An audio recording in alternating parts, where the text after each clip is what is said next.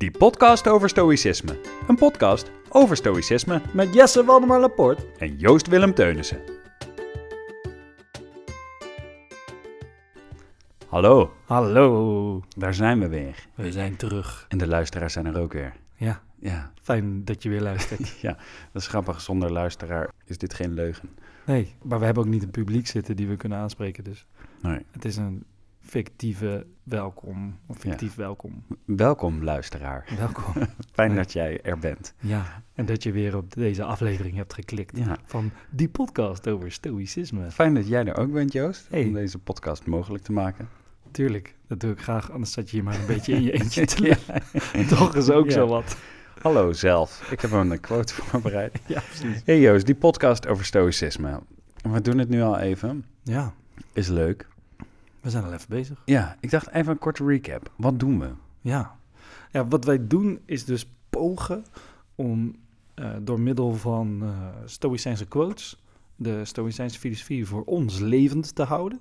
En voor hopelijk de luisteraar informatief en nuttig in hun leuk. leven. En leuk. En leuk.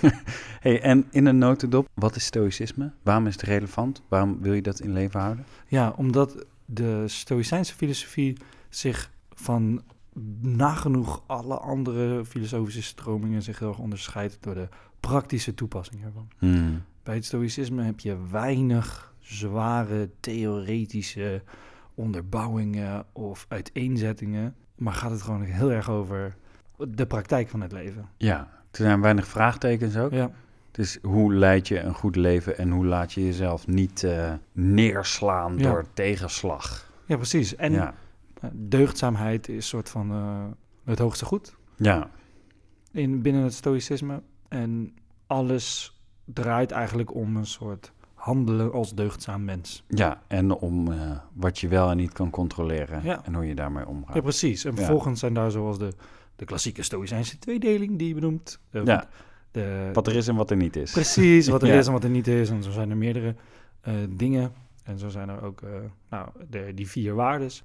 En eh, nou, die komen dus allemaal een beetje eh, voorbij. En het is een soort, ja, hoe moet ik dat zeggen? Ja, we hebben het ook wel eens therapie avant la lettre genoemd. Ja, De beoefenaars van het stoïcisme waren mensen die het leven bij de horens vatten en reflectief in het leven stonden. Tegenslagen niet per se als tegenslagen zagen, maar als kansen en nog meer, veel meer van zulke soort dingen. En niet meer echt geloofden in een soort noodlot wat hun boven het hoofd hangt, maar gewoon overal kansen zagen en blij waren dat dingen ze overkomen, want zo worden ze een sterker mens. ja. En het, eigenlijk het leven in al hun facetten aan het omarmen waren. En die, eh, die knipoog naar therapie die je maakt, is natuurlijk ook omdat we het vandaag de dag heel veel tegenkomen. Of de lessen van stoïcisme komen we tegen in acceptance en commitment therapie, cognitieve gedragstherapie, maar ook in boeddhisme, Ja. taoïsme, dat soort zaken. We komen het eigenlijk overal tegen, vandaag de dag ook, in, Ja. in alle zelfhulpboeken. En aan de, eh, g- aan de voet daarvan, zeg maar, aan de basis daarvan, ligt stoïcisme. Zeker. Nou, leuk. Dan, heb je, dan weet je dat als je dit luistert. Ja, toch? Lekker Ja, notendoppie. Hier, hier heb je wat aan. Nou, wij doen dit uh, om, omtrent allerhande thema's. En onze vaste prik is dus dat we een citaat of een stuk tekst uitzoeken van een van de Stoïcijnen die ons is voorgegaan. Of in ieder geval over Stoïcijnse filosofie. En dat dan even behandelen. En dan eh, ons eigen leven daarop eh, op loslaten. Ja. En dat wil niet zeggen dat wij weten hoe dit bedoeld is, maar weten hoe wij erop reageren ter plekke. Ja. Dit zijn vaak ook stukken tekst die we dan nog niet eh, al jaren met elkaar bespreken, Nee. maar juist hier ter plekke met elkaar erop reageren. En het zou je kunnen helpen bij je interpretatie. En je zou kunnen zeggen, nou, ik denk er anders over. Laat het vooral weten. ja. Dan, eh, dan nemen we dat mee. En, Ja, eh, precies. ja, wij zijn ook niet alwetend. Nee, Hey. het, het lijkt mij ook leuk om inderdaad misschien een soort dialoog op gang te brengen. Of een soort, nou, ik wil niet zeggen vraag en antwoord, maar wel een reactie op deze teksten te krijgen. Ja, laten we daarop mikken. Meer kunnen we niet doen. Hè, Hè? Hey, de tekst die ik heb voorbereid komt uit vragen en antwoorden van Seneca, wat allemaal wat uh, briefwisselingen zijn tussen hem en anderen. Ja. Seneca is ge- geboren eh, in het jaar 4 voor Christus Ja, zeker. en was een belangrijk zakenman, ging werken voor Nero, heeft zichzelf eh, van kant moeten maken laten. Ja. Dat is een ander verhaal. Eh, wat weet jij over Seneca? Seneca heeft los van die vragen en antwoorden, dus hij heeft heel veel in briefvorm, heeft hij heel veel dingen geschreven, in Mhm. een aantal boeken. Maar wist je dat eh, Seneca ook eh, tragedies heeft geschreven en een poging aan poëzie heeft geleid? Zo, Oh, zelfs poëzie. Ja, zeker. Waar eh, Marcus Aurelius een beetje wars van was, zei hij. Zei die. En ja. ondertussen hebben we meerdere Hij quotes van hem echt ge- gelezen. En toen waren wij zo, deze is fucking poëtisch. Het leven is als het as van een stukje wierook dat valt op het schaaltje. en dat was... eh, nee, hij zei dat hij blij was Hij dat is hij ook geen... meteen Vlaams, ja. ja, sowieso. Ik, mijn naam is Eh, Marcus Aurelius. Marcus Aurelius. nee, ja, hij, eh, hij zei dat hij blij was dat hij nooit passie had ontwikkeld voor, voor poëzie. Dat zei Marcus. Nou, Hij zou het een beetje tijdverspilling hebben. dat, dat is een beetje zo'n... hij, hij was een, een dichter die nog in de kast zat, zeg Ja, maar. precies. Waarvan iedereen weet, nou, je bent een dichter. Nee, nee, ik ben echt geen dichter. Eigenlijk niet. ja, nee. Maar ik heb wel per ongeluk een boekje achtergelaten. is goed, Mark. Oh nee, hebben jullie het gevonden? Het is, het is niet van, nee, het was echt van mezelf. Ik heb nu met overpeinzingen. ja, overpeinzingen van Marcus Aurelius. Oh, over 200 jaar ligt dat gewoon in de poëzie. Gewoon Sowieso, afdeling ja, van de ja. Poëzie en filosofie is Ja. gewoon één afdeling. Goed, eh, wat ik heb voorbereid is erg toepasselijk. Voor jou vandaag, weet ik toevallig. Het Oh. is, eh, lieve luisteraar, het spijt me. Het is wat, eh, wat veel. Maar ik wilde eigenlijk graag twee stukjes voorlezen. Het duurt geen hele minuut hoor, maar ik wil gewoon even aangeven. Probeer erbij te blijven. Probeer even je focusmodus aan te zetten. De podcasts duren over het algemeen niet zo heel lang. Maar eh, eh, dit, is, eh, dit is even het moeilijkste om te volgen, omdat het geen gespreksvorm aanneemt. Precies. Je moet luisteren naar mij, die een boek voorleest. En in dat boek staat dus een briefwisseling. In dit geval is dit boek 9. Dat gaat over onverstoorbaarheid. Onverstoorbaarheid waarin Serenus een brief schrijft aan Seneca. En Seneca die beantwoordt. En ik ga uit hoofdstuk 10, paragraaf 3, alinea 1 en 6 voorlezen. Je vraagt welk hulpmiddel naar mijn mening moet worden gebruikt tegen deze levensmoeheid. Het beste zou zijn, zoals Athenodorus zegt, zich van een actief leven, van officiële functies en politieke taken te onthouden. Want, zoals sommige mensen hun dag doorbrengen in de zon met oefeningen en de verzorging van hun lichaam, en zoals het voor atleten verreweg het nuttigste is hun spieren en hun kracht, het enige waaraan zij zich wijden gedurende het grootste deel van hun tijd te trainen, zo is het ook voor ons die onze geest voorbereiden op een strijdbaar leven in de gemeenschap, verreweg het mooiste met ons werk bezig te blijven. Want als iemand het voornemen heeft zich nuttig te maken voor zijn medeburgers en alle stervelingen, oefent hij zich en maakt tegelijk vorderingen omdat hij volop bezig is met zijn eigen verplichtingen en problemen van de samenleving en van zijn eigen leven naar zijn vermogen probeert op te lossen. 6. Als jij je toelegt op de studie, zul je vrij blijven van alle levensmoeheid. Niet naar de nacht verlangen uit afkeer van de dag. Niet jezelf tot last zijn en voor anderen overbodig. Veel mensen zul je tot vriend maken en juist de besten zullen naar je toe komen. Want kwaliteit blijft nooit verborgen, ook al is ze in het donker, maar zij zendt signalen uit waaraan zij wordt herkend. Al wie haar waardig is, zal haar daardoor op het spoor komen. Oh, dus Seneca de poëet. Ja, Ik heb ook een tragedie geschreven. Het gaat als volgt. Seneca was een Brabander trouwens. dus- Luc heette die. Lucius. Ik ben Luc, ik kom uit uh,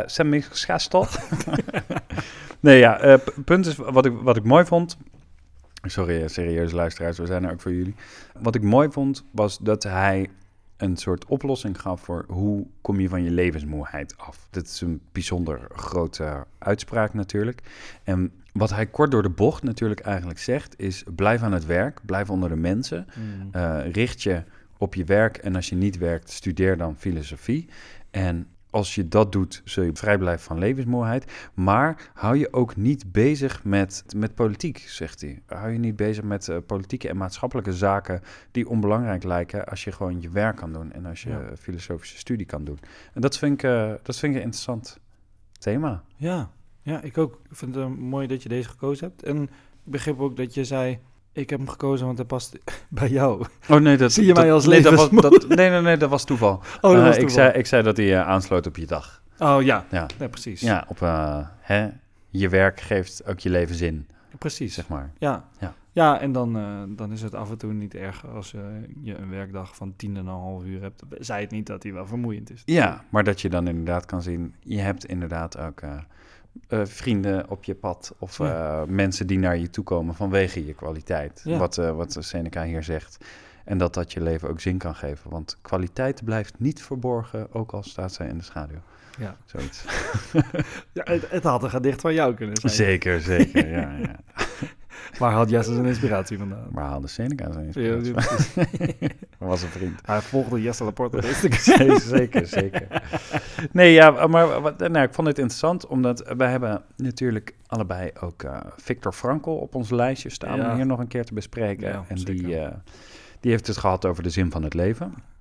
Hij, heeft, eh, hij is de grondlegger van de logotherapie en hij gaat er eigenlijk vanuit dat iedereen een zin in het leven kan ontdekken, of in ieder geval zingeving kan vinden. Ja. En ik vind dat Seneca hier eigenlijk heel concreet uitlegt. Als jij actief onderdeel bent van de maatschappij, als jij hierin, hieraan bijdraagt, zij het als soldaat, zij het als filosoof, maar in Ja. ieder geval bijdraagt aan de samenleving, een rol speelt voor andere mensen en voor jezelf, dan zul je je nuttig voelen en dus niet levensmoe zijn. Ja. Dat is eigenlijk wat hij zegt, volgens Ja, mij. ik vind dat een hele mooie. Ik weet niet hoeveel reclusen er eh, in, die, in die tijd waren. Maar mensen die zich onttrokken van de samenleving. Mm.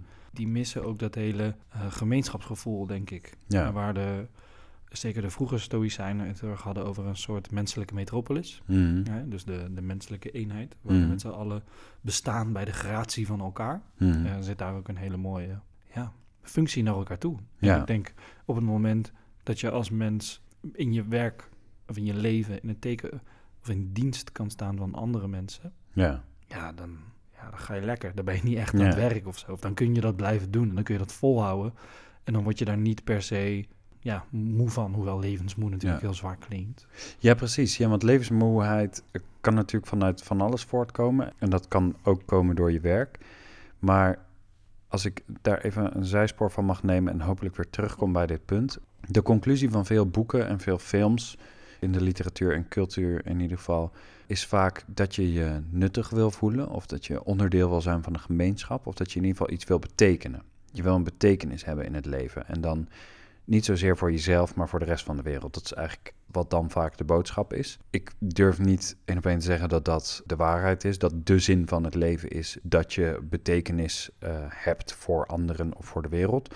Maar dat even in het midden gelaten, is dat in ieder geval een visie die bestaat. En ik denk dat Seneca in dit geval dus zegt dat je die zou kunnen halen uit, eh, uit bijvoorbeeld je werk, of in ieder geval je rol in de samenleving innemen. En laten we stellen dat het zo is dat er mensen zijn die levensmoe worden door hun werk, dan is dat misschien wel omdat je je niet betekenisvol voelt doordat je het verkeerde werk hebt. Heel kort door de bocht. Ja, Ja, want op het moment dat jij bijvoorbeeld simpeler werk doet, je hebt een VWO-diploma, universiteitsdiploma en je gaat vervolgens in een laboratorium zitten, maar je wordt er heel moe van en depressief en je hebt het idee dat je niks betekent en vervolgens ga je in een bakkerij werken en voel je wel betekenisvol, is dat natuurlijk even goed. Dat denk ik dan. En ik kan me voorstellen dat Seneca ook bedoelt, neem een rol aan in de maatschappij waarin je je betekenisvol voelt en als je dat punt bereikt, zul je levensvreugde ervaren, als het ware. Ja.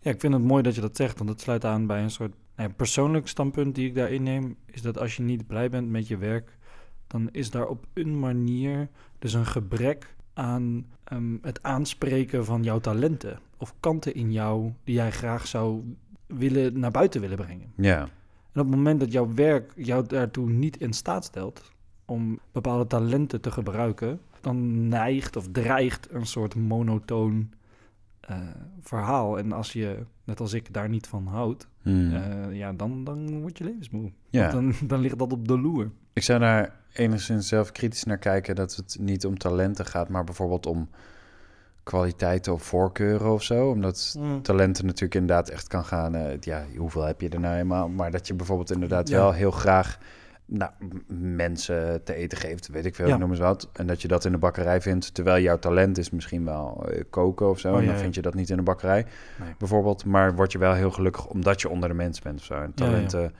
ja, zouden we dan eigenlijk even moeten uitdiepen van wanneer is iets een talent. Ja, precies. Maar inderdaad, ik snap wat je zegt. En daar komt denk ik ook de term eh bore-out vandaan. De, Ja. de bore-out is eh, tien jaar oud nu of zo. Ja. En dat is dus inderdaad wanneer een werkgever eigenlijk zijn werknemers te weinig uitdaagt. Ja. Dat is wat jij zegt. Dat je dan inderdaad... eh, je wordt niet aangesproken op de, op de kanten die je naar buiten wil brengen. Ja. En dan kun je dus inderdaad een bore-out krijgen... Ja. wat heel dicht naar een burn-out neigt. Wat soort van te veel uitdagingen in je werk, toch? Te nou ja, nou ja dat je opgebrand raakt. Dus een, een, een, te veel stress ervaren waarschijnlijk. ja, en een bore-out is gewoon te weinig uitdaging. Maar daarvan kun je ook opbranden. Dus in die zin Ja. zou je natuurlijk kunnen zeggen dat een burn-out en een bore-out uiteindelijk hetzelfde resultaat heeft. En van beide zul je weinig levensvreugde ervaren. Dus, Zeker. want laten we eerlijk zijn, je kan niet tegen iedereen zeggen... Zorg dat je een uitdagend beroep hebt. Ik bedoel, zo simpel is het niet. Eh, je mag blij zijn als je werk hebt, anno nu. Maar mocht je inderdaad je in een positie vinden dat je de keuze hebt om een rol aan te nemen in Ja. de maatschappij die je lekker ligt, waardoor je misschien kleiner moet wonen of waardoor je onder je niveau Ja. gaat werken, maar je wel eh, of uitgedaagd voelt of op je plek voelt, of in ieder geval die kanten die je tot uiting wil brengen, naar buiten kan brengen, dan kan ik me inderdaad voorstellen dat dat meer nou, betekenis, zin geeft Ja. of zo. Ja. ja, en ook al mag je blij zijn als je werk hebt, denk ik dat je ook kritisch moet blijven op je werk. En als je er niet meer uithaalt ja, wat je eruit zou willen halen, Ja, ja, dan, dan moet je daar kritisch naar kijken. En eh, even reflecteren en kijken, nou wil ik dit nog wel doen? Ja, of hoe haal ik het er wel uit? Ja. Want we moeten dus rekening houden met dat niet iedereen zomaar kan stoppen met zijn werk. Of Ja. zomaar ergens anders heen kan. Eh, so- soms werkt het gewoon niet zo. Ik merk bijvoorbeeld, wat ik heel leuk vond, ik heb, in een, eh, ik heb vier jaar lang in een viswinkel gewerkt. Met heel veel plezier, echt heel veel plezier. En dat was onder meer omdat Even het- tussendoor, telkens als we er langs lopen, zeg je, ik wil weer terug. ja, dat is ook zo. Rien, mocht je luisteren, bel me. nou ja, punt is, ik vond het heel leerzaam. Want niemand die in een viswinkel komt werken, weet al alles van vis. Die kans is in ieder geval klein. Ja, ja, ja. En er is elke dag wat te leren. Want dan kwam er weer een zeewolf binnen. En dan kwam er weer een zeeduivel binnen. En dan leerde je een, eh, een, een zalm fileren. En dan eh, leer je weer waar de haring vandaan komt. En dat een zalm en een haring allebei maar één keer per jaar worden gevangen. Hartstikke boeiend, vond ik. Want gewoon leerzaam. Je, Ja. Er is altijd wat te leren. Precies. En daarnaast hadden we dan bijvoorbeeld, dan gingen we een soort salades maken. Dus dan had je een bakje en dan had je een bolletje sla en een uitje en een stukje haring en een stukje forel en dit en dat. En het kwam er allemaal op. En mijn uitdaging was om dit zo mooi mogelijk te maken. Maar op een gegeven moment kreeg ik natuurlijk op mijn kop van, ja Jesse, ze zien er prachtig uit. is echt leuk, maar eh, de rest doet dit in een kwartier en jij doet er drie kwartier over. maar wat toen gebeurde, dan heb ik een nieuwe uitdaging. Ik ga ze zo mooi mogelijk maken in zo min mogelijk tijd. En toen werd ik dus super snel in een hele mooie slaatje maken. En dan waren er dus daadwerkelijk klanten die zeiden, ik wilde eentje van Jesse. Die zeiden, heb jij die gemaakt of Romy? Dus, ik, eh, oh, dan wil ik, oh, dan wil ik, oh ja, dat zie je. Dan wil ik die. En dat, weet je, dat is voor mij natuurlijk heel leuk. Ja. En ik vond het leuk om, om vrienden te maken met de klanten. En ik vond het leuk om die slaatje mooi te maken. En ik vond het leuk om een haring te leren fileren. En dat soort dingen. Terwijl al met al is dat absoluut onder mijn niveau. Ik ben, ik ben HBO opgeleid. Ja. Ik ben niet opgeleid tot visboer. Je zou in die zin kunnen zeggen dat het niet uitdagend is. Maar ik heb een, een plek gevonden binnen dat werk, waardoor ik het heel leuk vond. Ja. Ik vond het leerzaam en buiten mijn werk deed ik natuurlijk ook dingen waardoor ik me van betekenis voelde. Als in, ik heb wel ook het idee gehad dat ik tegelijkertijd een soort van carrière aan het maken was. Maar ik voelde me op mijn werk gewoon op mijn plek. En ik denk dat dat voor mij heel veel geleerd heeft over hoe maak ik werk leuk. Door gewoon te zoeken naar wat kan ik er leren en wat kan mij uitdagen. Hoe kan ik hierin uitblinken. En ik heb ook wel eens, en dat herken je misschien, ik heb wel eens werk gehad waarin ik me ging misdragen of zo langzaam mogelijk ging werken omdat Zeker. ik geen zin had, weet je Ja, ja, ja. Ja, maar als je met tegenzin je werk gaat doen en dan langzaam gaat werken omdat je geen zin hebt, dan gaat de dag veel trager. Zo, ja. Dan sleept die tijd vooruit. Ja, zeker als je over tijd begint, over de klok, dan denk ik weer aan het feit dat je dus waarschijnlijk niet in dit moment aan het leven bent. Mhm. Want op het moment dat jij hier en nu met jouw aandacht bent, ja. met al jouw zijn in jouw werk, dan, dan kun je bijna niet ongelukkig zijn met je werk, zeg maar. Dat is wel een uitdaging, hè? Stel dat er nu iemand luistert van 17 die is vak, Vak het vullen. Precies, Albert Heijn, bij ik dacht ook, Heijn. Oh, stel je voor dat je dan... Kijk, wat, het punt is inderdaad, stel je werkt van, van 4 tot 8 in de Albert Heijn, Ja, dan weet je om 5 uur, ik kan nergens anders zijn. Als in, ik ben gewoon hier, ik, ja, ik ga mijn werk moeten doen. Dat is nou eenmaal zo. yes.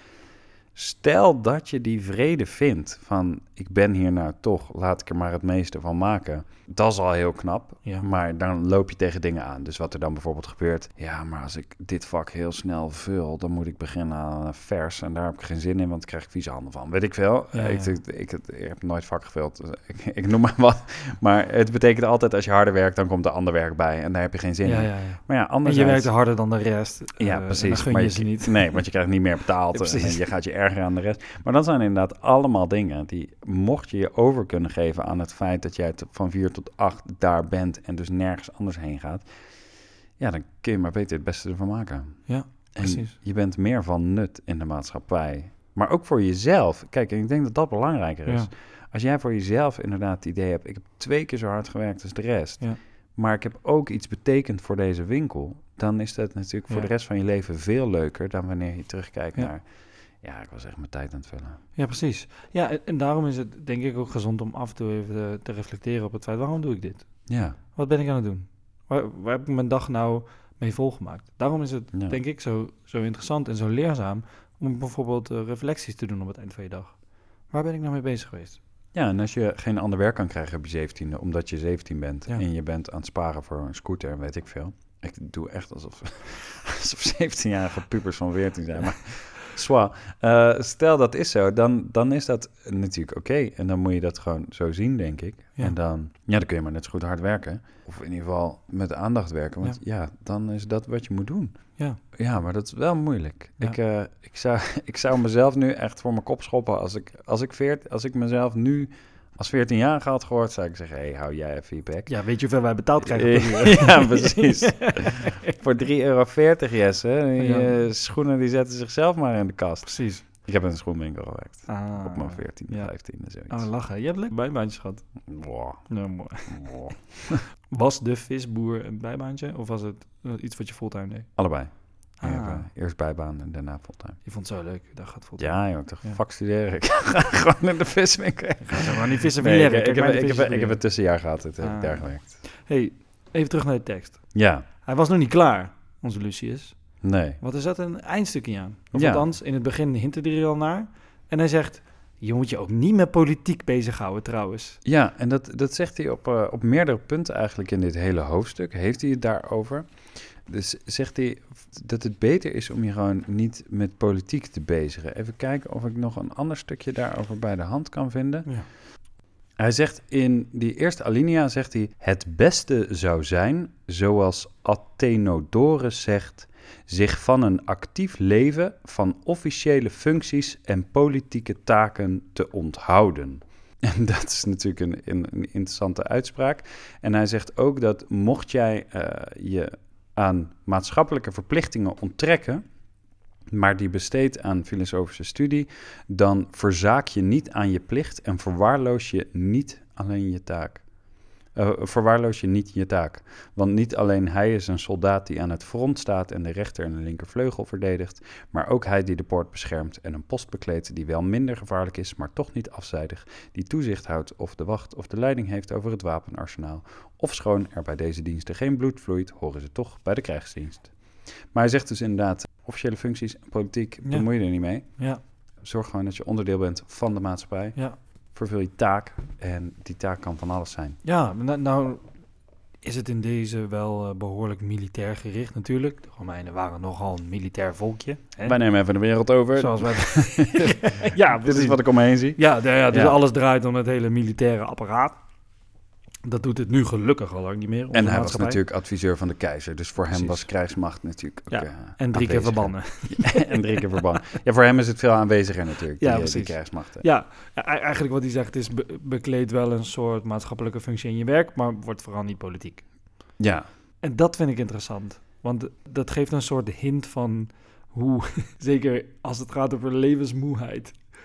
ja, politiek een soort vermogen heeft om jou hartstikke levensmoe te maken... als je Ja. niet veel mee bezig bent. Ja, nou ja, ik, ik, ik denk dat dit ook aansluit op een quote van Eleanor Roosevelt. Daar hebben we het eerder over gehad ook, misschien in privésferen.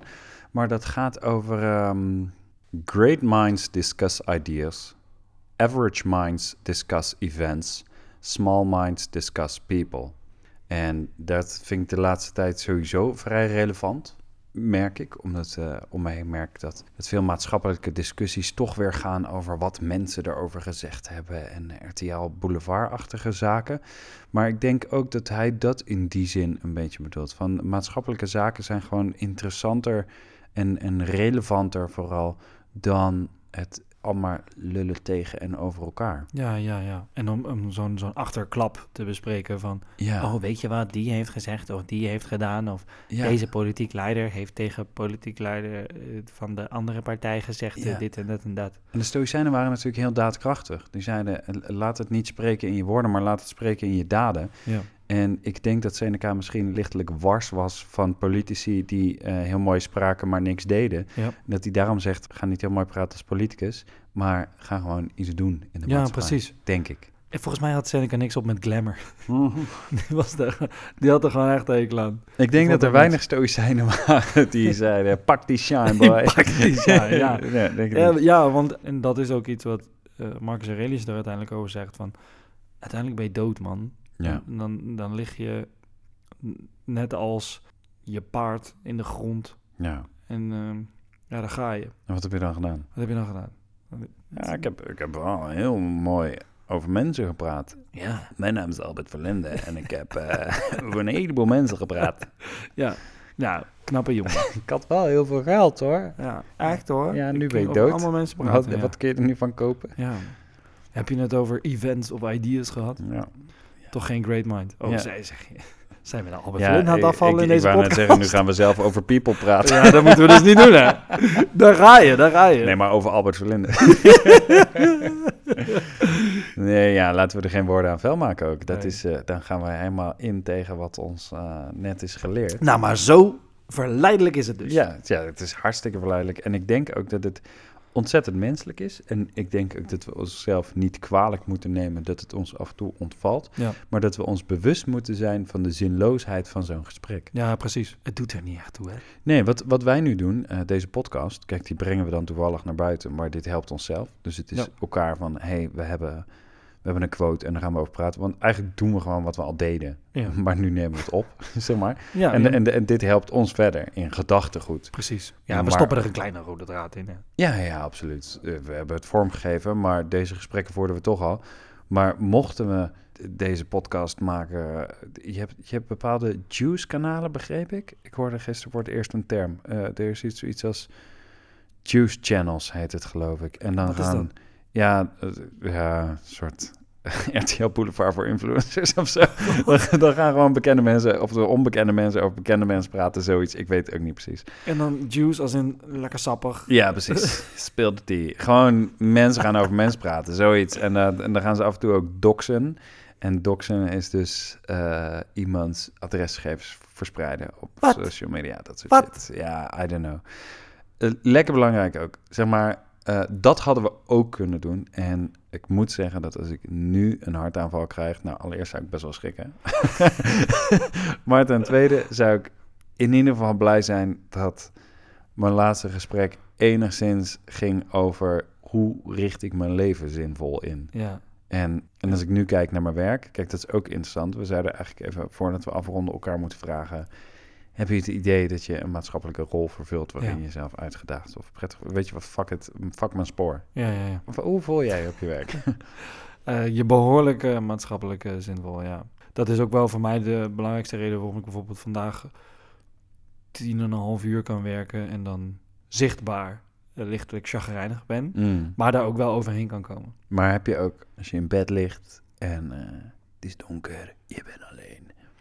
Is de ene kaap verluisterd. nee, maar je hebt, eh, ja, hè, je hebt van die momenten gewoon als mens. Ja. Dat je even, even nadenkt over het leven. Denk je dan, ja, het is, het is zinnig wat ik Ja. doe. Ja, ja mijn, eh, mijn werk, om het eh, even cryptisch te houden, vindt plaats binnen de dienstverlening. Ja, En ja, ik ben blij als ik die dienst heb kan verlenen en daardoor andere mensen in staat kunnen stellen om weer iets anders te doen. ja, En dat, dat vind ik een belangrijke functie in het leven, ja. denk ik. Ja, Ja, nee, ja, is het. Dat denk ik ook. Maar ja, je moet je ook maar zo voelen natuurlijk. Ja. Want ik kan me ook voorstellen dat er mensen zijn op, met jouw functie. En dat die denk ja, wat ben ik aan het doen met mijn leven? Ja. Om, omdat die misschien ook meer zoeken naar iets eh, waar ze voor zichzelf zin uithalen of zo. Ja, wel? precies. En dan, ja, dan kun je het er weer niet uithalen. Dat kan natuurlijk. ja, En eh, dat, dat is ook complex. Ik merk bijvoorbeeld dat als ik... Maar als ik hand- en spanzaken verricht, hand- en spandiensten verricht... dan kan ik me soms opeens ontzettend eh, van nut voelen. Als ik weer eens een, ehm, een workshop heb gegeven op een basisschool... als ik een huisje heb gebouwd... als ik, een, als ik iets voor iemand heb gedaan... dat gewoon heel praktisch en zichtbaar is... dan denk ik wel eens, oh wauw, ik, ik was echt eh, zinnig vandaag. En dat heb ik niet in mijn dagelijkse werk, maar dat heb ik nooit in dagelijks werk zo ervaren. Dat is juist bij de uitstapjes. En bij wat ik nu doe, moet ik mezelf soms wel eventjes overtuigen of eraan helpen herinneren. Want ik weet dat ik voor heel veel mensen iets beteken. En dat, dat vind ik belangrijk. Anders zou ik dit niet doen. Sterker nog, dat, dat maakt dat ik blijf doen wat ik doe. Dat er gewoon mensen echt aangeven, joh, ik, ik eh, haal iets uit jouw werk. ja. En het feit dat ik, ik heb echt wel die bevestiging nodig, merk ik ook. Maar ik moet daar af en toe wel op hameren. Ja, ik heb die momenten dat ik in bed lig, denk, ben je nou een doeman? En dan moet ik echt even dat zo aanhalen van, oh ja, maar die en die en die en die hebben wel gezegd, hé, hey, eh, dankzij jou, bla bla. Ja, ja, ja. Ja, ik kan me dat voorstellen, zeker in jouw werkgebied, waarbij je dus als soort van zender fungeert. En, Ja. en je niet altijd over jouw uitzendingen, als het ware, als jouw, in jouw expressies, daarin iets terug hoort.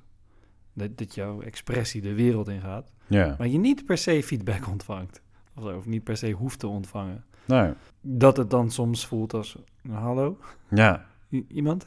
Ja, En zelfs, en zelfs Hebben als ik hem wel ontvang, dan Ja. ga ik nog steeds af en toe twijfelen van ja, maar hoe, hoe belangrijk is het nou of zo, weet je wel? Kijk, Ja. als, je, als je mensen gelukkig kan laten voelen of, of, of kan troosten of weet ik veel wat, dan is dat heel mooi, maar het voelt dan niet blijvend of zo. Ik heb niet een huis voor iemand gebouwd. Terwijl, wat is er nou belangrijker dan iemand licht en lucht geven? Dat, Ja, uiteindelijk willen we dat allemaal. Ja, en het leven is ook geen wedstrijd wie de meeste mensen Nee. eh, licht en luchtig kan laten Nee, voelen. nee, nee, nee, maar de- kijk, ik, ik kan mensen licht en lucht geven, maar ik kan ze geen eten geven of zo, weet je wel? Zeg maar de- dan voelt het soms zo betekenisloos en dan, nou, dan moet ik soms hameren op, op mijn eigen gedachten en moet ik zeggen, nee, maar kijk, dit, dit heeft nut en ik kan mezelf gelukkig ook wel heel eh, zinvol voelen en dat is, dat is prettig, maar daar, nou, daar moet ik wel af en toe voor werken. Ja, dat snap ik. Ja, Ik denk dat het inderdaad een soort proces is waarbij je, nou ja, zeker als je jezelf dat af en toe kritisch bevraagt, zoals je zelf zegt, van Mm. ben ik nog wel, een, een, vervul ik nog een functie? ja, Heeft het zin of nut wat ik aan het doen ben? En ik, ik denk dat dat goed is om jezelf dat af te, af te vragen. Het schijnt dat Steve Jobs zichzelf dat elke ochtend in de spiegel afvroeg. En op het moment dat hij eh, het antwoord nee was, als in Mm. heeft mijn dag zin? En, eh, of heb ik zin in mijn dag? dan ging hij terug naar bed. Als dat nee was, dan ging hij een serieuze uh, overpeinzingen doen Ja, dan ging om aanpassingen te maken in zijn leven. Nou, Steve Jobs was ook wel een behoorlijke stoïcijn. Hij heeft ooit een keer, ik heb ooit een quote van hem gelezen, dat vond ik een hele mooie. Weet hem niet meer helemaal zeker, maar het was iets in de trant van: op het moment dat je realiseert dat we allemaal doodgaan, eh, realiseer je dat je niks te verliezen hebt. Iets in die Oh. trant. En ik dacht, ja, Tering hij heeft ook gelijk. Ik ga ook dood, dus wat maakt nou uit? Ja. Tuurlijk ga ik voor die gouden appel. Boeien, eh, ik ga toch Ja. dood. Zeg maar. Ja, en dat, ja, ja. ik weet niet, zoiets zei hij. En dan, dan las ik dat ook na zijn dood. En hij is natuurlijk ook veel te vroeg gestorven. En toen dacht ja, dan was ik wel een stoïcijn, die man. Ja, Ja. ze- hij had zeker eh, aspecten ervan goed begrepen. Zeker over eh, wat de dood aangaat. Ja, Ja. Ja, dat denk ik ook. Maar dat, eh, nou, dat vond ik maar. Maar ik denk inderdaad dat het goed is om jezelf af en toe te bevragen, omdat het ook zorgt dat je jezelf blijft ontwikkelen en uitvinden en uitdagen. Want op het moment dat jij tien jaar in die viswinkel werkt en je merkt op een gegeven moment, ik ben niet van nut, maar je kan er ook niet weg, Ja. of je, je hebt geen, geen zicht op een andere baan, ja, dan moet je zoeken naar hoe je Ja. misschien wel dat nut kan vinden, al is het maar gewoon een andere bril opzetten. Precies. Dus gewoon een soort, oh, maar wacht, er gaan hier elke Ja. dag mensen met Ja. eten naar huis. Weet ik veel, iets in die trant. Het kan gewoon je perspectief veranderen. Ja, precies. Mijn Zeker. baas daar, die was volgens mij ook gewoon elke dag gelukkig met zijn werk. Ja. Gewoon, hij vond dat hij het mooiste, ba- mooiste baan van de wereld had. Ja, ja waarom? Hij, weet, hij weet waar hij het voor deed. Ja. En op het moment dat je dat scherp hebt, eh, scherp houdt ook voor jezelf, weten waar je het voor doet, eh, denk ik dat je heel veel betekenis uit je werk kan halen. Ja. Ja. Hij zei, ik heb een prachtig product en ik kan de mens blij maken. En ja, wat wil je dan nog meer? Ja, toch? Ja, Ja. ja. Nou, soms is dat alles wat iemand moet willen hebben uit een baan. Ja. Sterker nog, je, hoeft, je kan zelfs een lelijk product hebben en mensen blij maken. Ja. Maar goed, dan zou ik niet eh, in het reinen zijn met mijn geweten. Maar Nee. dat is weer een ander Zou je ook geen poëzie maken? Ja, laten we het volgende keer hebben over je geweten. Lijkt me een mooi thema. hey, ik denk dat we dat het tijd is om af te ronden. Ja, man.